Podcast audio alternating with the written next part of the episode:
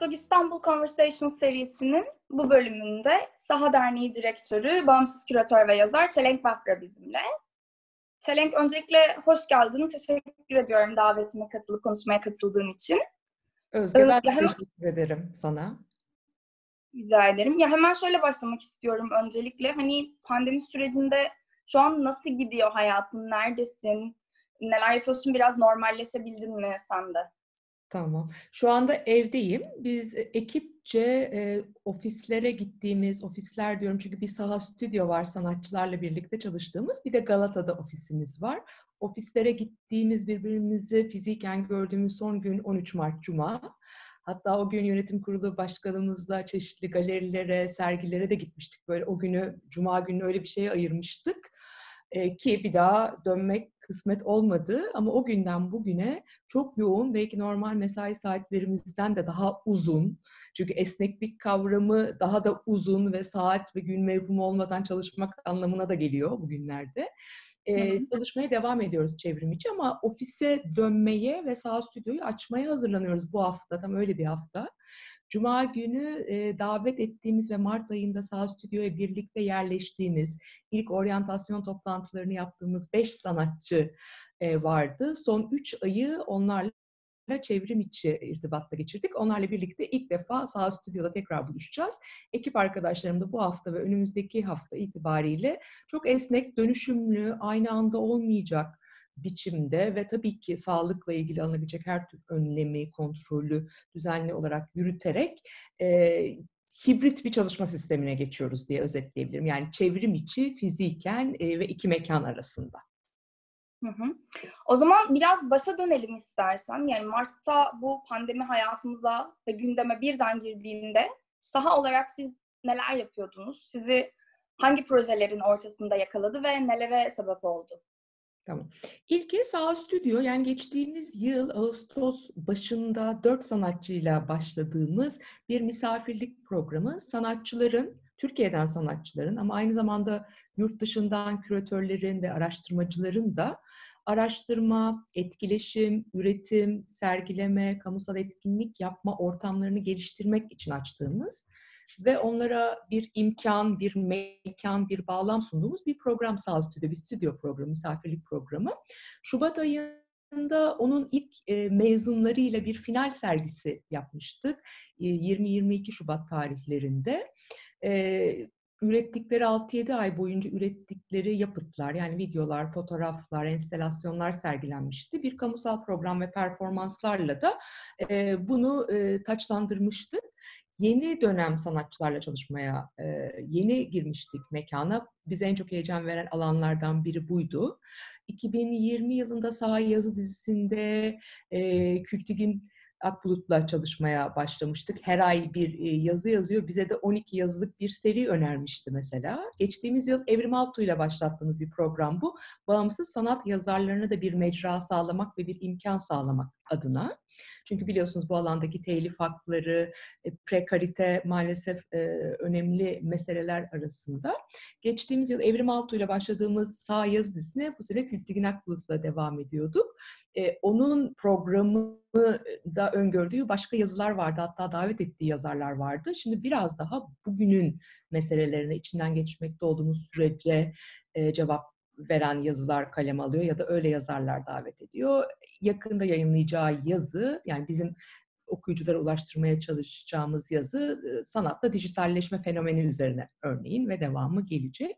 Diğer taraftan sahanın ana misyonu, kuruluş sebeplerinin başında Türkiye sanatının uluslararası platformlardaki tanınırlığını ve bilinirliğini arttırmak yatıyor. Yani yurt dışındaki bir müze, bir bienal, bir sanat kurumu, bir enstitü Türkiye'den bir sanatçıyla ya da küratörle, sanat yazarıyla çalışmak isterse başvurabileceği bir fon yok, çok sınırlı. Kamu fonları biliyorsunuz Türkiye'de ya çok sınırlı ya hemen hemen hiç yok ya da standartize değil. Keşke olsa bu dönemde çok daha fazla ihtiyacını hissediyoruz. E, sahaya başvurabiliyorlar. Yıl içinde biz düzenli olarak sahanın web sitesindeki e, koşullar, kriterler çerçevesinde uluslararası kurumlardan çalışmak istedikleri sanatçılar, küratörler, araştırmacılar için başvuru e, alıyoruz. Gerekirse bu projelerin kolaylaştırılması için çalışıyoruz. Yani aracılık da ediyoruz bu tarz projelere. Lobbying de yapıyoruz. Kendimiz de kurumsal ortaklık kuruyoruz yurt dışındaki sanat kurumlarıyla. Gerekirse de zaten ortaya çıkmak üzere hazır ama desteğe ihtiyacı olan projelere kaynak sağlıyoruz. Örneğin bir bienal, müze ya da sanat kurumu Türkiye'den bir sanatçıyla çalışmak istiyor ama sanatçının yeni bir eser ortaya çıkartması için yeterli kaynak yok. İşte bize başvurabiliyorlar. Bununla ilgili e, bilgi sahanın web sitesinden alınabilir saha.org.tr. Yıl boyunca böyle başvurular kabul edip değerlendiriyoruz imkanlarımız ölçüsünde. E, tabii tam da getirmek istediğim nokta şu konuyu bu e, projeler desteklemeyi öngördüğümüz hatta destek verdiğimiz pek çok proje vardı. Onlar iptal olmadı ama onlar erteleniyor. Düzenli olarak o sanat kurumlarıyla, yurt dışındaki kurumlarla, müzelerle irtibat halindeyiz. Keza davet ettikleri Türkiye'den sanatçılarla ve küratörlerle de sürekli yeniden bir programlama söz konusu. Bazı önünü göremiyor şu anda ama sanatçı prodüksiyona başlamış örneğin ya da yayın hazırlıklarına başlanmış. Biz kimseyi mağdur etmeden özellikle tabii ki destek sözü verdiğimiz sanatçıları, küratörleri, içerik üreticilerini mağdur etmeden o desteklerimizi sürdürmeye çalışıyoruz. Dolayısıyla Türkiye'den ve yurt dışından sürekli kurumlarla, kişilerle irtibat halindeyiz. Ee, bazen bir tarih birkaç kere bile değişebiliyor. 2021'e çok ertelenen var. Siz de takip ediyorsunuzdur zaten Artdoc'ta. Hepimiz şu anda esnek e, bir şekilde çevrim içine belki dönüşecek şekilde projeleri hep A planı, B planı, C planı gibi ilerlemeye çalışıyoruz. Biz de en çok onu yaptık. Hı hı.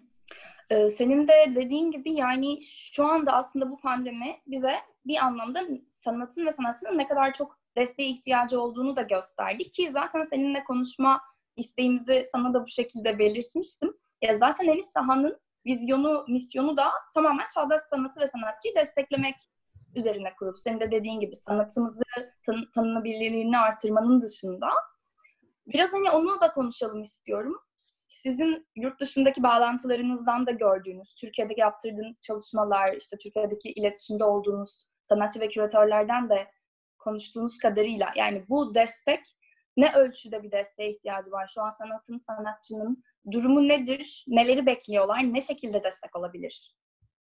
Çok çok değerli bir soru. Biraz önce daha ziyade yurt dışındaki desteklerimizi ve Türkiye sanatını uluslararası platformlardaki tanınırlığını arttırmayı ve de sanatçıların, küratörlerin küresel sanat diyaloğuna katılımını desteklediğimizi söyledim. Ama bunu yapmak için öncelikle yerel ekosistemi de desteklemek, buradaki altyapıyı da desteklemek ve onun sürdürülebilirliğini sağlamak lazım. Yoksa hep aynı 3-5 isim etrafında dolaşır. Zaten o sanatçılarımız ne güzel ki kendi uluslararası bağlantılarını kurmuş durumdalar. Biz şüphesiz onları da desteklemeye devam ederiz ihtiyaçları olduğu sürece ama e, altyapıyı desteklemek, buradaki üretimi desteklemek, burada olup biteni de desteklemek çok önemli. Ancak o zaman küresel platformda bir sözümüz olur. E, dolayısıyla saha olarak uluslararası destekler kadar Türkiye içinde de e, destek programlarımızı arttırmaya öncelik vermeye çalışıyorduk. Yerel bienallere zaten destek veriyoruz. Yani İstanbul Bienali çok kapsamlı e, ortaklık yaptığımız e, bir oluşum. Hem Türkiye'den sanatçıların yeni eser üretimlerine destek veriyoruz, hem Bienal küratörünün yurt dışından gelen, Bienal için araştırmaya gelenlerin konaklamalarını destekliyoruz. Farklı boyutlarda işbirliklerimiz var. Mardin, Çanakkale ve Sinop Bienali ile de ortaklıklarımız var. Onlara da destek veriyoruz. Bir de fonumuz var. Sanat İnisiyatifleri Sürdürülebilirlik Fonu açık çağrıyla yapıyoruz. Bu sonbaharda dilerim tekrar yapacağız. Bu fonda Türkiye'nin dört bir yanından biraz pozitif ayrımcılık da yapmaya çalıştığımız yani sanat üretiminin ve piyasasının sadece İstanbul'dan ibaret olmadığını anlatmaya, vurgulamaya çalıştığımız bir program. Bu yıl beş farklı kentten ve dijital mecradan 8 farklı sanat inisiyatifine sürdürülebilirlik desteği veriyoruz. Esasen onların programlarını daha çok destekliyorduk. Yani açıkça bize programla başvuruyorlardı. Ama bu pandemi ortaya çıkıp da e, mekanlar kapanınca, mekanı olanlar için söylüyorum, hepsinin mekanı yok ama mekanı olanlar vardı aralarında. Dedik ki siz bu fonu lütfen ihtiyaç ne alanda görüyorsanız, aciliyetiniz her neyse sürdürülebilirliğiniz devam edebilmeniz adına onun için lütfen kullanın diye bir fona bir esneklik getirdik. Ve de bütün paydaşlarımızla yani danışma kurulumuzla da bizim bütün bu projeleri desteklememizi sağlayan üyelerimiz ve kurumsal destekçilerimizle de onlar olmasa bu desteği yaratmamız, bütün bu projeleri yapmamıza imkan yok. Ve desteklediğimiz inisiyatifler, desteklediğimiz sanatçılar, e, biyenaller onların hepsiyle bir arada ya da ayrı ayrı irtibata geçerek biraz yerel ekosistemin şu dönemki ihtiyaçlarını anlamaya çalıştık ve yeni bir fon e, kurguladık. Onu duyuruyoruz bugünlerde. 2 Temmuz'a kadar başvurulabilecek. E, onunla ilgili biraz bilgi vermem iyi olur. E, çünkü bu vesileyle duymuş olan ne kadar çok kişiye ulaştırabilirsek o kadar farklı başvuru alıp gerçekten ihtiyacı olan kişilere ve oluşumlara destek vermeye çalışabiliriz elimizden geldiği kadar. Fonun adı Saha Sürdürülebilirlik Fonu, COVID-19 pandemisinden etkilenen sanatçılara ve inisiyatiflere yönelik bir açık çağrı. Yani bir sanatçı kolektifi hatta bir küratöryel kolektif de olabilirsiniz. Tek bir sanatçı olarak da bize başvurabilirsiniz. E, ama görsel sanatlar alanıyla sınırlı. Başka alanlarda biliyorsunuz müzikte, e, tiyatroda, sinemada destek, sektörü destekleyecek bir takım fonlar yaratıldı. İstanbul Kültür Sanat Vakfı bu alanda kültür politikaları alanında bir araştırma da çıktı. Fonlara da e, öncülük etti. Başka fonlar da çıktı sivil toplumdan ne güzel ki ama görsel sanatlar alanında henüz e, bu alanda Türkiye'ye özel bir fon çağrısı çıkmadı. Çeşitli dayanışma girişimleri var. Ben de onları destekleyerek takip ediyorum. Biz de bu alanda biraz kolaylaştırıcı olmaya çalışıyoruz. Ya bu pandemi sürecinde yani geçtiğimiz 3-4 aylık süreçte pandemiden etkilenerek kaynaklarını kaybeden, imkanını kaybeden, belki mekanını kaybeden, iptal eden e, ya da yarım kalan bir sergisi, bir projesi, bir programı varsa sanatçının ya da inisiyatifin bize onu tamamlamak için başvurabilir 2 Temmuz'a kadar. Ya da tam da bu içinden geçtiğimiz ve paradigma değiştirdiğini e, öngördüğümüz, hakikaten bir krize evrilmesin diye temenni ettiğimiz ama maalesef ekonomik anlamda da çok zor günlerin bizi beklediği aşikar olan bu sürece cevap vermeye çalışan, onu ele alan yeni sanat projeleriyle de bize başvurabilirler.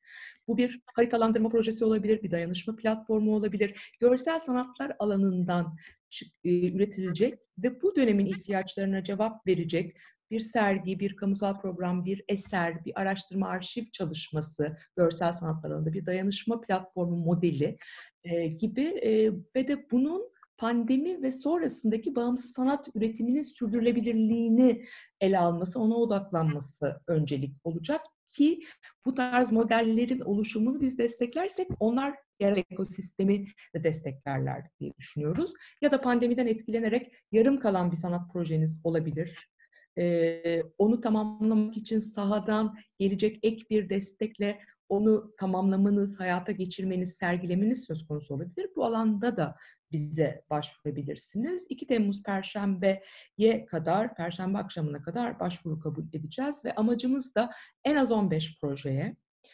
8 bin lirayla 20 bin lira arasında bir teşvik amaçlı destek sağlamak ki yeni bir proje için bir başlangıç olsun ya da yarım kalan pandemi nedeniyle bir proje tamamlanabilsin.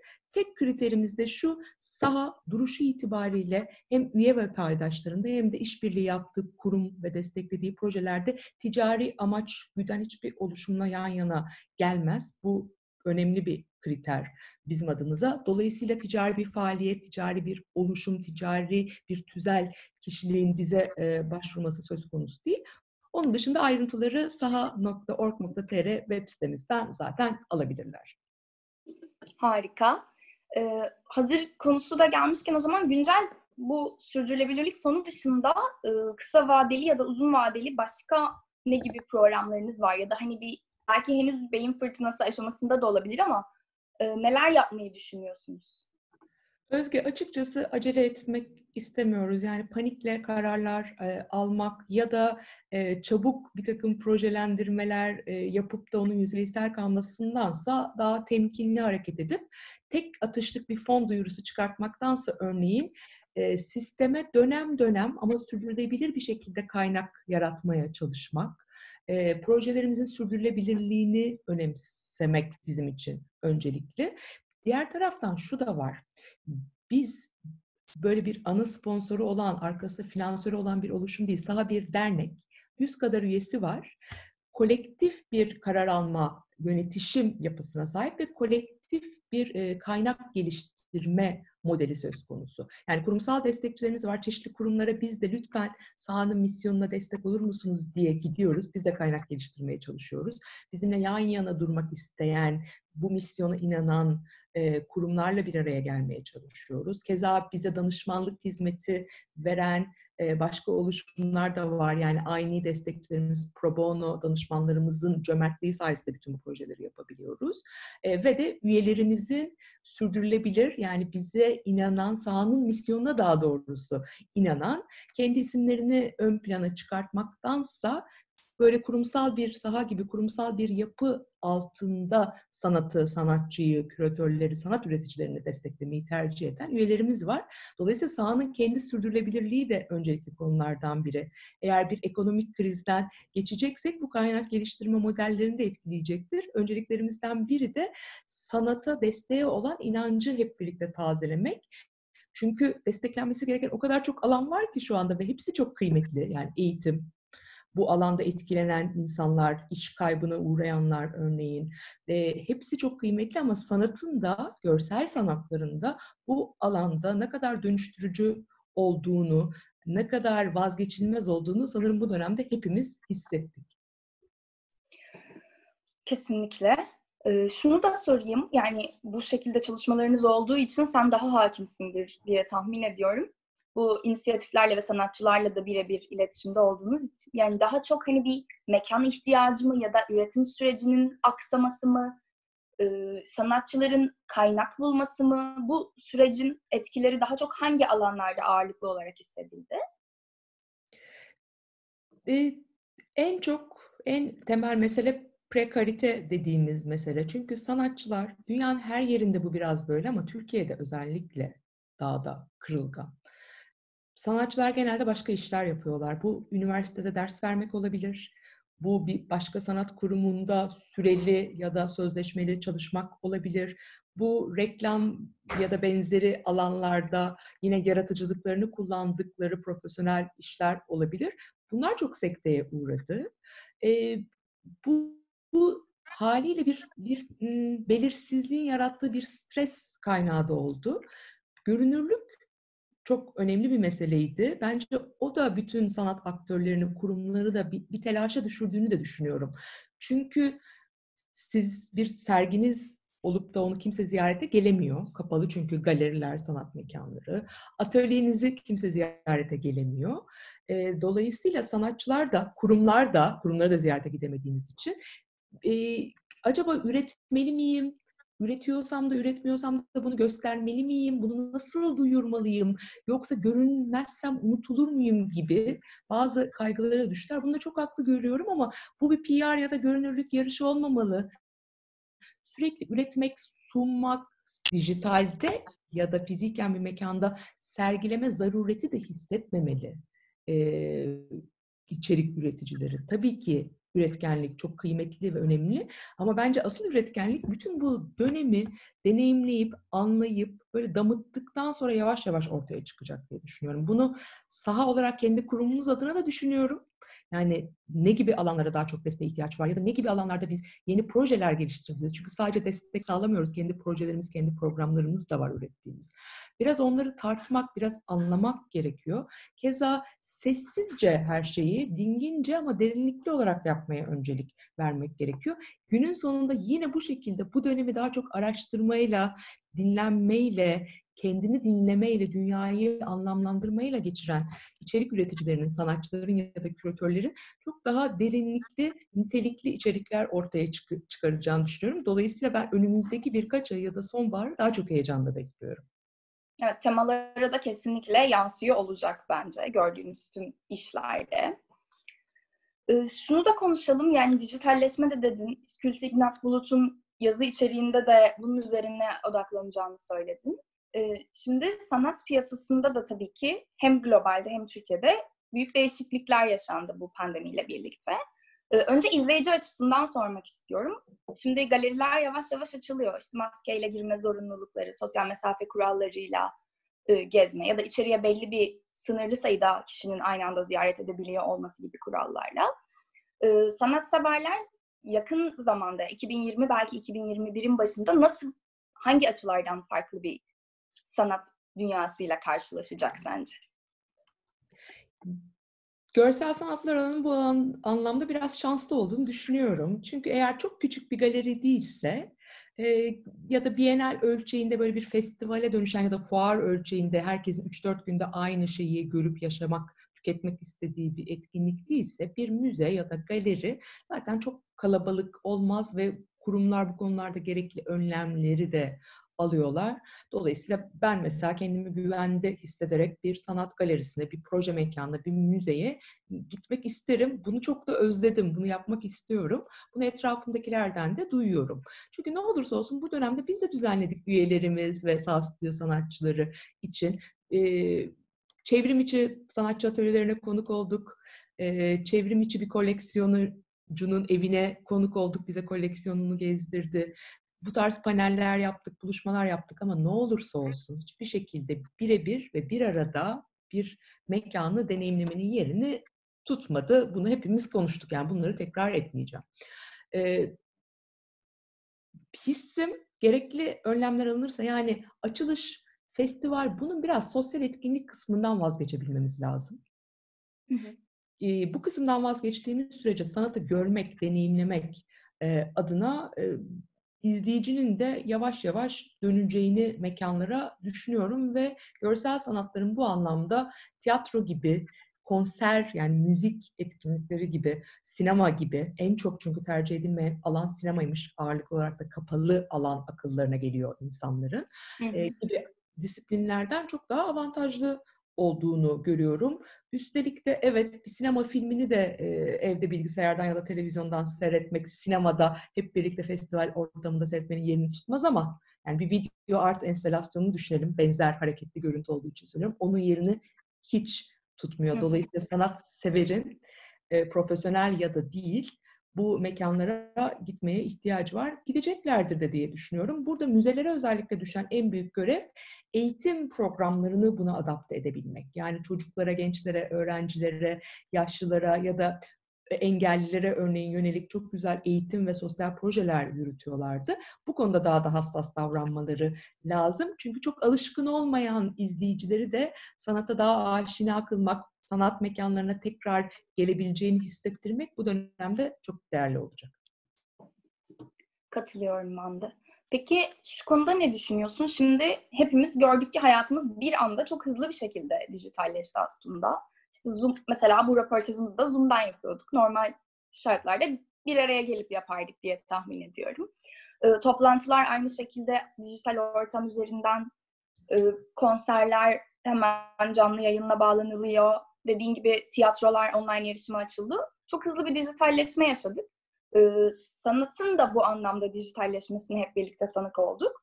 Ee, bunun haricinde bu seyahat kısıtlamaları e, ve tabii ki çok fazla kaynağın aynı anda işliyor olmasını gerektiren büyük fuarlar, örneğin işte Art Basel gibi, Venedik Bienali gibi sanat takviminin en önemli etkinliklerinden çoğu ertelendi ya da iptal oldu bu sene. Bunlar nasıl etkileyecek sence? Yani daha yerelleşmiş bir sanat dünyası mı göreceğiz? Belki aynı kıta içinde sadece seyahat edebilecek fuarlar. Ya da daha mı böyle online viewing room'lardan görüyor olacağız eserleri? Yani küreselleşmeden geri dönüş olmadığına inanmak istiyorum her şeyden önce. Yani bence o, o yol geçildi. yeterli sağlık tedbirleri alındığı sürece insanlar sanat içinde, kültür içinde, keyif içinde seyahat etmek isteyecekler ve buna devam edecekler. Biraz çılgınlığa dönüşmüştü bu.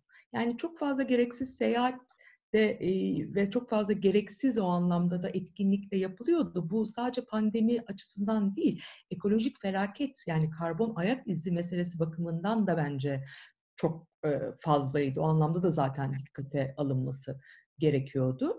E, trendler genelde şeyi gösteriyor. Yani çok daha seçici olacağız hepimiz. Eskisi gibi imkanımız var diye, zaten bir yerden davet edildik diye e, her yere gitmeyeceğiz ama belki tek bir seyahatte birden fazla şeyi birden yapmaya çalışacağız.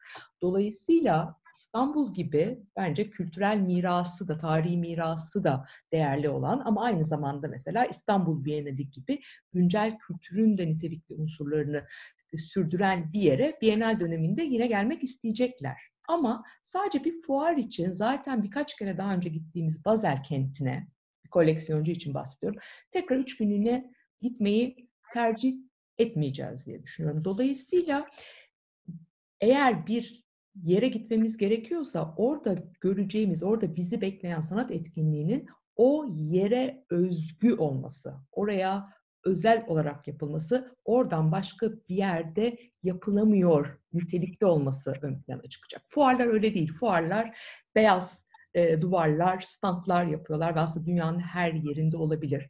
E, oraya gittiğiniz zaman o fuar dışında gördüğünüz şey kentteki sanat kurumları sizin için enteresansa bir de onları görmüş oluyorsunuz. Ama örneğin bienaller ya da kamusal alana özgü, o kente özgü, oranın e, hani site specific, context specific diyeceğim, gittiğiniz zaman oranın yerel ihtiyaçlarına da cevap veren, oranın sanat e, içeriklerini keşfedebileceğiniz e, alanlara gitmeye devam etmek ben ben isterim örneğin bilmediğim bir coğrafyada o coğrafyanın da sanatçılarının olduğu o kente cevap veren örneğin kamusal alanı da kullanan tarihi binaları da kullanan projeler hala ilgimizi e, çeker e, diye düşünüyorum. Tabii Venedik Bienali Art Basel ölçeğinde yani yüz binlerce kişinin birkaç günde gezmeye çalıştığı etkinliklerin formatını alternatif geliştirmeleri lazım. Ve ben bunu geliştirebileceklerine inanıyorum. Bu sürece yaymak biçiminde olabilir. Dönem dönem yapmak biçiminde olabilir. Ve e, çevrim içiyle fiziken bir yerde olmayı harmanladıkları melez modellere dönüşebilir. Belki daha çok yerel gelecek ya da bölgesel gelecek. Örneğin Basel örneğinde aslında Avrupa'nın dört bir yanında insanlar trenle de gelebilir. Daha kolay bir şekilde. Ama uzak coğrafyalar içinde çevrim içi onlara cazip olabilecek içerikler ortaya çıkartır tutarak devam edecekler. Şu anda yoğun bir şekilde bunu düşündüklerine ve benim şurada hızlıca söylediklerimden çok daha iyi çözümler ürettiklerine de eminim. Evet belki de ikisinin dediğin gibi hibrit sistemi yani online olarak bakacağız ve çok daha seçici olarak sanat izleyicisi belki o online'dan gördüklerinden ben buraya fiziki olarak da deneyimlemek istiyorum diyerek seçip gidecek. Bir seçicilik katacağı yakın dönemde kesin gibi duruyor. Ee, son olarak şunu da... Tasarruf ihtiyacı da olacak tabii yani onu da vurgulamak zorundayım. Bir tasarruf evet. ihtiyacı da olacak. Organizasyon tarafında da izleyici, tüketici tarafında da. Kesinlikle. Yani öyle görünüyor şu anki durumda. Peki içerik açısından ne düşünüyorsun? Üretim, içerik üretenler, inisiyatifler ya da sanatçılar da yani ben en azından kendi konuştuğum grupta hali hazırda dijital çalışanlar zaten bu mecrada devam etmek isteklerini belirttiler ama bu mecraya girip girmemekte kararsız olanlar ya da hani çok da alışkın olmayanlar için de dijital aslında biraz öne çıktı. Sence bu alanda üretim sayısında bir fazlalaşma görecek miyiz yakın dönemde? Kesinlikle görürüz diyorum ama şunu da hemen arkasına eklemek isterim. Medium fikirden sonra gelir. Dolayısıyla yani eminim sanatçılar arasında da, üreticiler arasında da sırf dijital daha erişilebilir, daha kolay ulaştırılabilir ve yeni trend olduğu için onu denemek isteyenler olacaktır. Tabii ki denenebilir. Ama esasen üreticiyi içeriğin ortaya çıkartacağı işin örneğin e, dijitalde olması anlamlıysa sanatçı onu birkaç denemeden sonra çok iyi tartarak e, yapar. Dolayısıyla bir süre sonra dengeyi bulacağını düşünüyorum. Tıpkı bir dönem herkesin çok video çekmeye çalıştığı gibi ama şimdi o alanda da daha dengeli bir üretim söz konusu.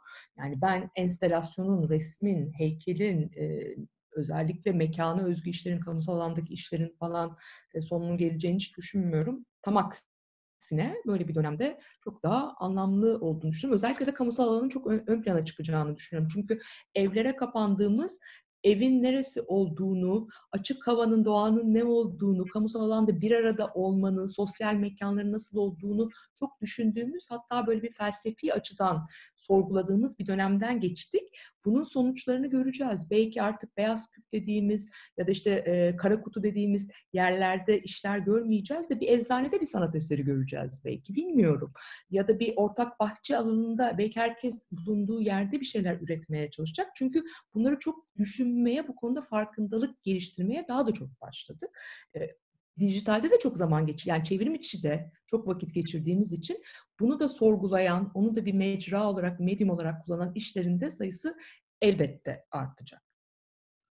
İkisi için de heyecanlıyız aslında. Çünkü dediğim gibi hem bu süreçte e, hem içerisi ve dışarısı üzerine düşünecek çok fırsatı oldu herkesin. İçerisi nedir, ev nedir?